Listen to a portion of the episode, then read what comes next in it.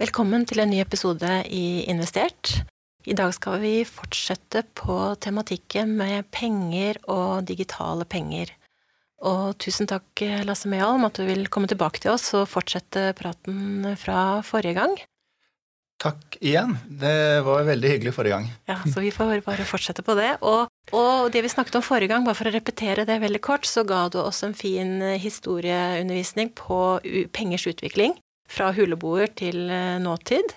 Du lærte oss om eh, sentralbankenes eh, utvikling, og hvordan de er blitt i dagens samfunn. Og så avslutta vi litt at i nyere tid så har vi også fått desentralisert utvikling av Kall det penger, da. Da snakker vi om krypto. Så, så vi ønsker å, å, fortsette litt her med krysset sentrale penger, desentrale penger, og starte litt der. Og vertene er som vanlig Heidi og Mikael. Og de tre temaene som vi får se, da, eh, men vi, i hvert fall de tre temaene vi hadde tenkt vi skulle dekke, var jo eh, kryptovaluta. Eh, I løfte blikket litt i forhold til at dette er jo en podkast om det å annet være investert. Relatere til det. Så skal vi snakke litt om digitale sentralbankpenger. Og så avslutte litt rundt fremtidsbildet, hvor, eh, hvor vi tror, eh, hvordan vi tror betalingsmidlene ser ut eh, fem til ti år fram i tid. Så er du klar for det, Lasse? Ja, jeg gleder meg. Ja, det er bra. Du, vi snakka om bitcoin spesielt i forrige episode. Men der er, der er et par andre eh, kryptovalutaer enn bitcoin også. Kan, kan, du bare dele litt eh, med oss om, om, det? Ja, det er en internettside som heter coinmarketcap.com, tror jeg. Ehm, der ligger det type 20 000 eh, ulike sånne kryptovaluta. Nå liker ikke bankene å kalle det kryptovaluta, de kaller det kryptoaktiva. Ehm, men eh, for å holde oss til kryptovaluta, så er det ca. 20 000. Og de, veldig mange er av type sånn shitcoin. At det er, eh, det er en luring som fant på noe greier. Og det å rent teknisk lage en kryptovaluta det tar et kvarter av 20 minutter hvis du vet hva du skal gjøre. Ja, okay. Og så må du få listet det på en eller annen børs, og så har du volum, og så er det jo noen som har gjort det og hentet inn noen millioner kroner. og dratt til Syden og blitt borte. Eh, mm. Men så er det da altså noen eh, som har blitt eh, store, f.eks. bitcoin, som vi var inne på sist gang. Og e-, Ethereum, altså e-, Ether, er blitt store. Solana har blitt store. Bitcoin alene jo, har en markedskap på nesten 9000 milliarder kroner. Eh, det er vanvittig store beløper. Eh, og det, igjen, som vi sa forrige gang, eh, dette er ren spekulasjon. Det er jo ingenting som ligger bak det. Men dette har da pågått i 15 år, og pågår sikkert i 15 år til, eller mm. kanskje enda lenger. Ja. så det er, det er, veldig mange der. Og, og, og felles for alle sammen er teknologien. Ja, den blokkjedeteknologien som kom til verden når bitcoin kom til verden i 2008, mm. Eh, er grunnlaget for alle disse kryptovalutaene. Det er kryptering av nøkkelen for å kunne bruke penger eh, som ligger bak det.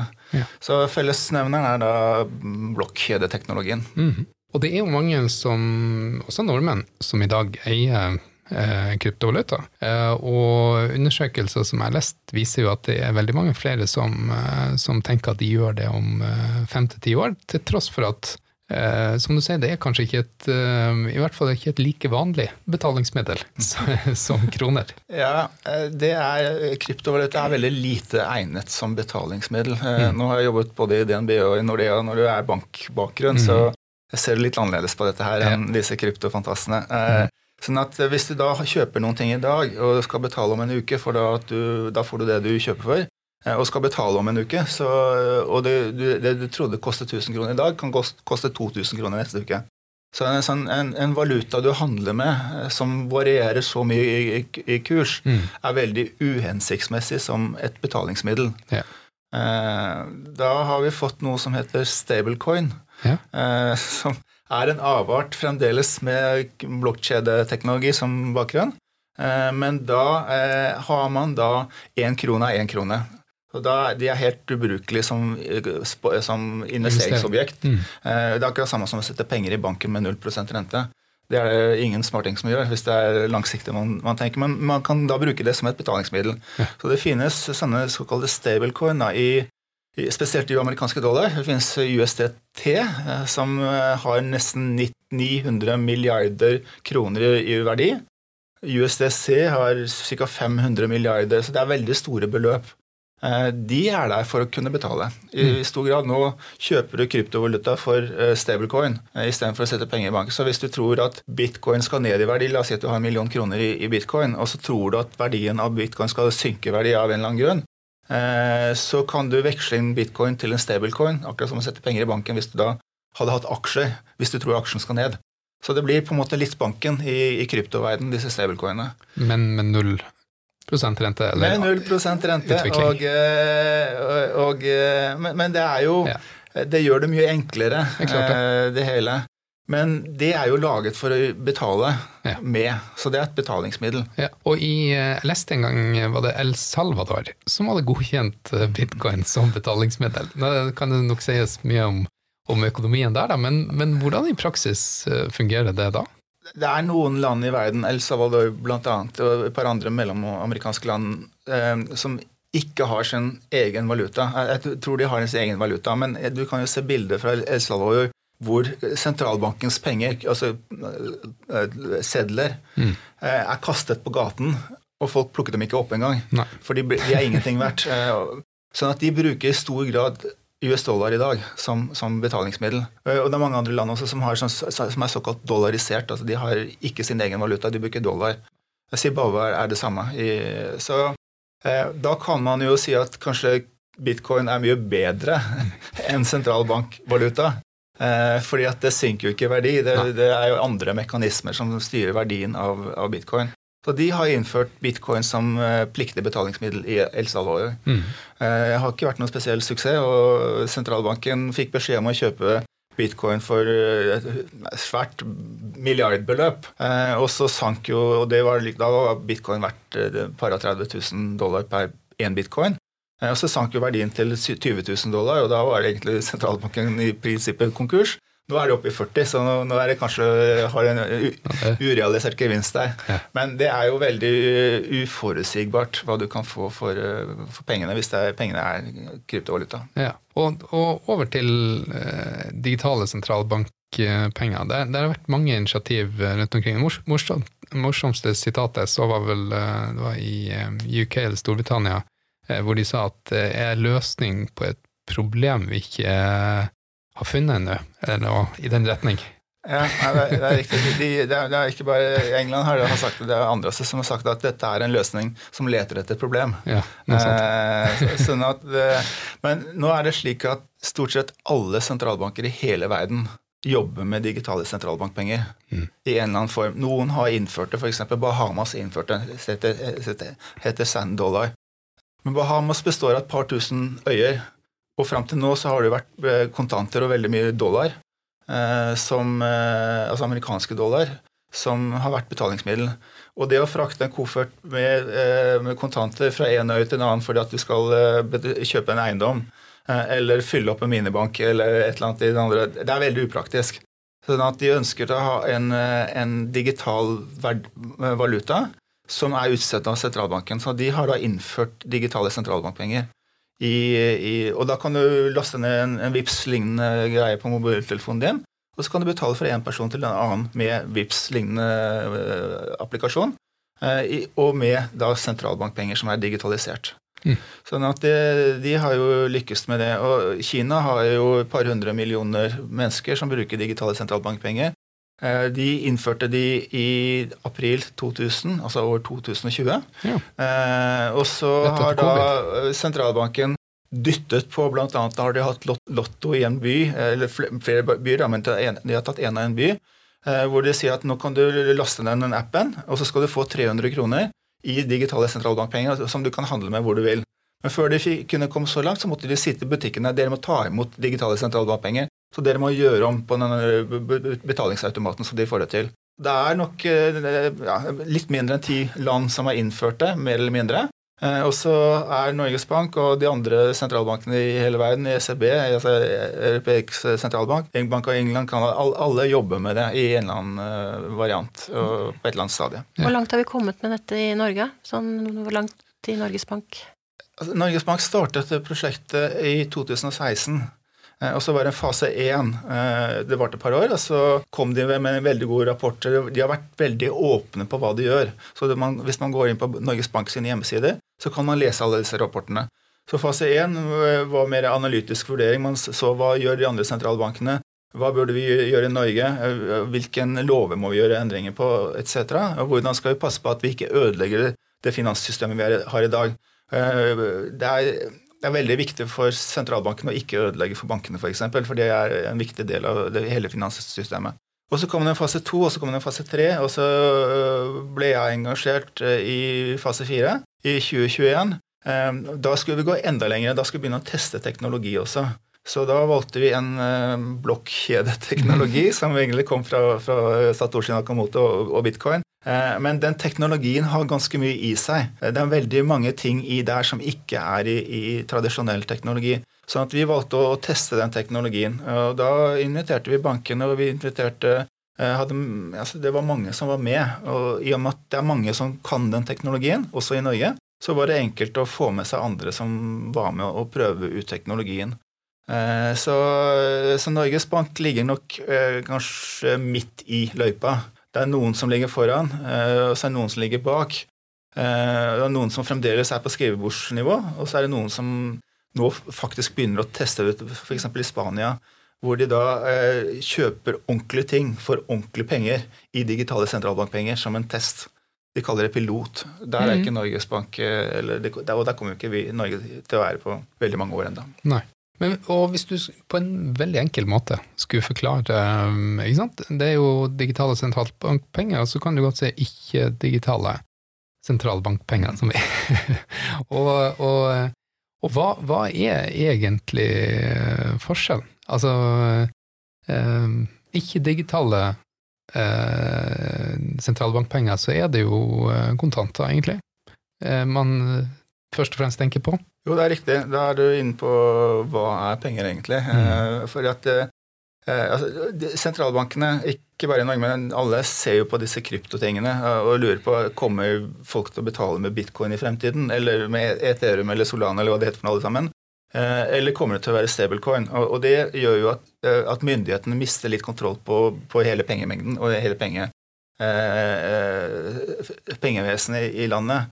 Så da er jo dette et svar. Men, men, men det med da, da, da, kan dette være svar. Eh, men det med pengetrykking er helt riktig, for Norges Bank lager sedler og mynter. Mm. Altså kontanter. Eh, I Norge så er ca. 3% av betalingene i kontanter. Det er fremdeles en del som bruker kontanter i Norge. Mm. Og så har vi andre penger som vi kaller kontopenger. og Det er de pengene jeg og har på konto. Og så når vi betaler med VIPS eller betaler med Visa eller, eller, eller Bankaksept eller Mastercard eller sånt noe, så er det eh, kontopenger vi bruker. Så vi har de to pengeenhetene. Kontopenger og kontanter. Eh, og kontopengene er det bankene som lager. Ja. Uh, skal, skal, jeg ta den historien ja, det, ja, det, det, det, det, her kommer litt langt, men, uh, men det er kanskje ikke så dumt å gjøre det? Nei, det, er ikke det. For jeg, tror mange tenker kanskje intuitivt at hvis du Hvis jeg f.eks. skulle låne for å kjøpe et hus, uh, og låne f.eks. da fem millioner fra, fra, DNB, så kommer de pengene til syvende og sist fra Norges Bank til DNB, og så går de til meg. Er det kanskje mange som tenker, men, men det er kanskje ikke helt sånn. Nei, det er at alle bankene har noe som heter sentralbankreserver. Det er en innskuddskonto i sentralbanken. Sånn at når DNB f.eks. finner ut at nå skal vi fylle, opp, fylle opp en, sentral, en, minibank med 1 million kroner, så kontakter de Norges Bank, og så ber de om å få 1 million kroner i kontanter, la oss si 200 sedler. Eh, det Norges Bank gjør da, er at de trekker 1 million fra sentralbankreserven, altså innskuddskontoen i Norges Bank. Eh, så sånn, sånn, fungerer det med, med kontanter. Men når det gjelder kontopenger, eh, så er ikke Norges Bank eller sentralbankene involvert i det hele tatt. Så hvis jeg eh, f.eks. skal kjøpe en leilighet, og den koster 5 millioner kroner, så kan jeg gå til banken og så kan jeg be om å få låne 5 millioner kroner. Og så sier banken det er greit, du skal få låne alt sammen, men du må pantsette leiligheten. Sånn at vi har sikkerhet for, for det lånet. Når da banken setter 5 millioner kroner inn på min innskuddskonto fordi jeg skal betale det videre til selgeren, så fantes ikke de pengene for ett sekund siden. de lagde banken idet de satt penger inn på min konto. Eh, så har de et problem hvis nå selgeren av leiligheten også La oss si at dette her var DNB. Eh, så la, eh, la, oss si at selgeren av, de av, den leiligheten også var kunde av DNB. Da ville DNB ført pengene fra min konto til selgeren sin konto.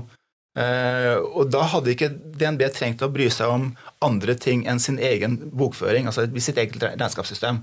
Men hvis DNB, eller hvis selgeren er medlem eller er kunde i, Nordea, så må DNB skaffe likviditet til å flytte den, de fem millionene fra, selgeren, fra meg til selgeren.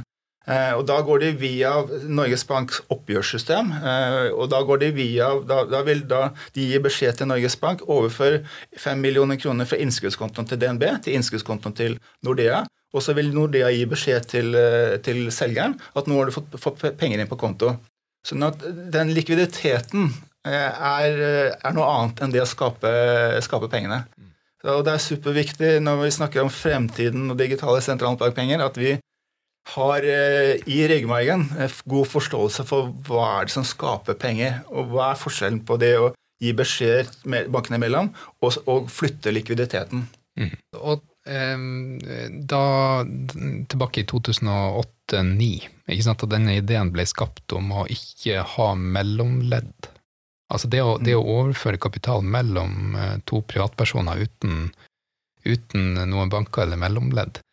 Um, ser du det i fremtiden? Altså hvor, uh, hvordan, hvordan, uh, hvordan, ser dette betalingsmønsteret ut, hvis vi går fem til ti år fram i tid, tror du?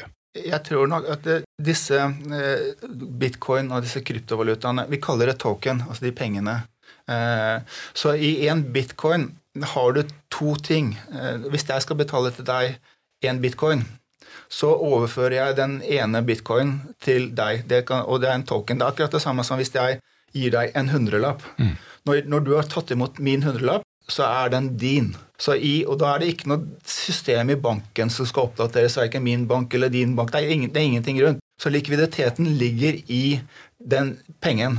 Mm. Sånn fungerer også token i tokenøkonomien. Eh, og det betyr at alle betalinger går mye fortere enn en dagens uh, rutine. For hvis nå jeg bruker DNB, og du bruker Nordea i det eksempelet mitt i stad, eh, så er det DNB sender en beskjed til Norges Bank som overfører penger fra den ene kontoen til den andre. Og så er det Nordea som overfører penger til deg.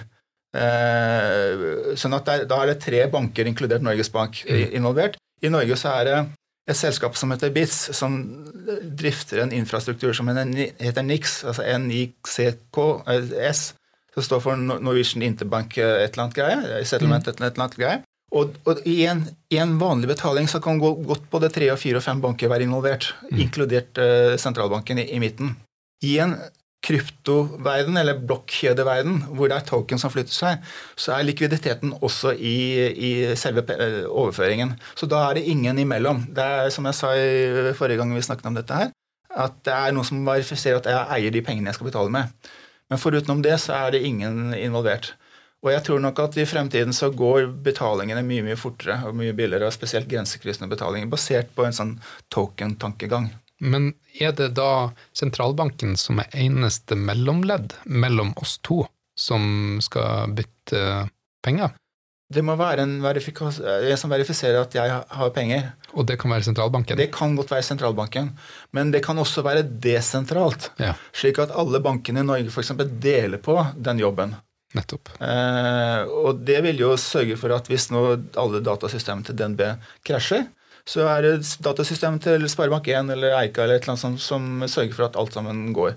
Slik at oppetiden og sikkerheten kan godt bli mye bedre eh, med en sånn type tankegang. Riktig. Men grunnen til at sentralbankene tenker på digitale sentralbankpenger, er ikke bare krypto. Det er også type beredskap.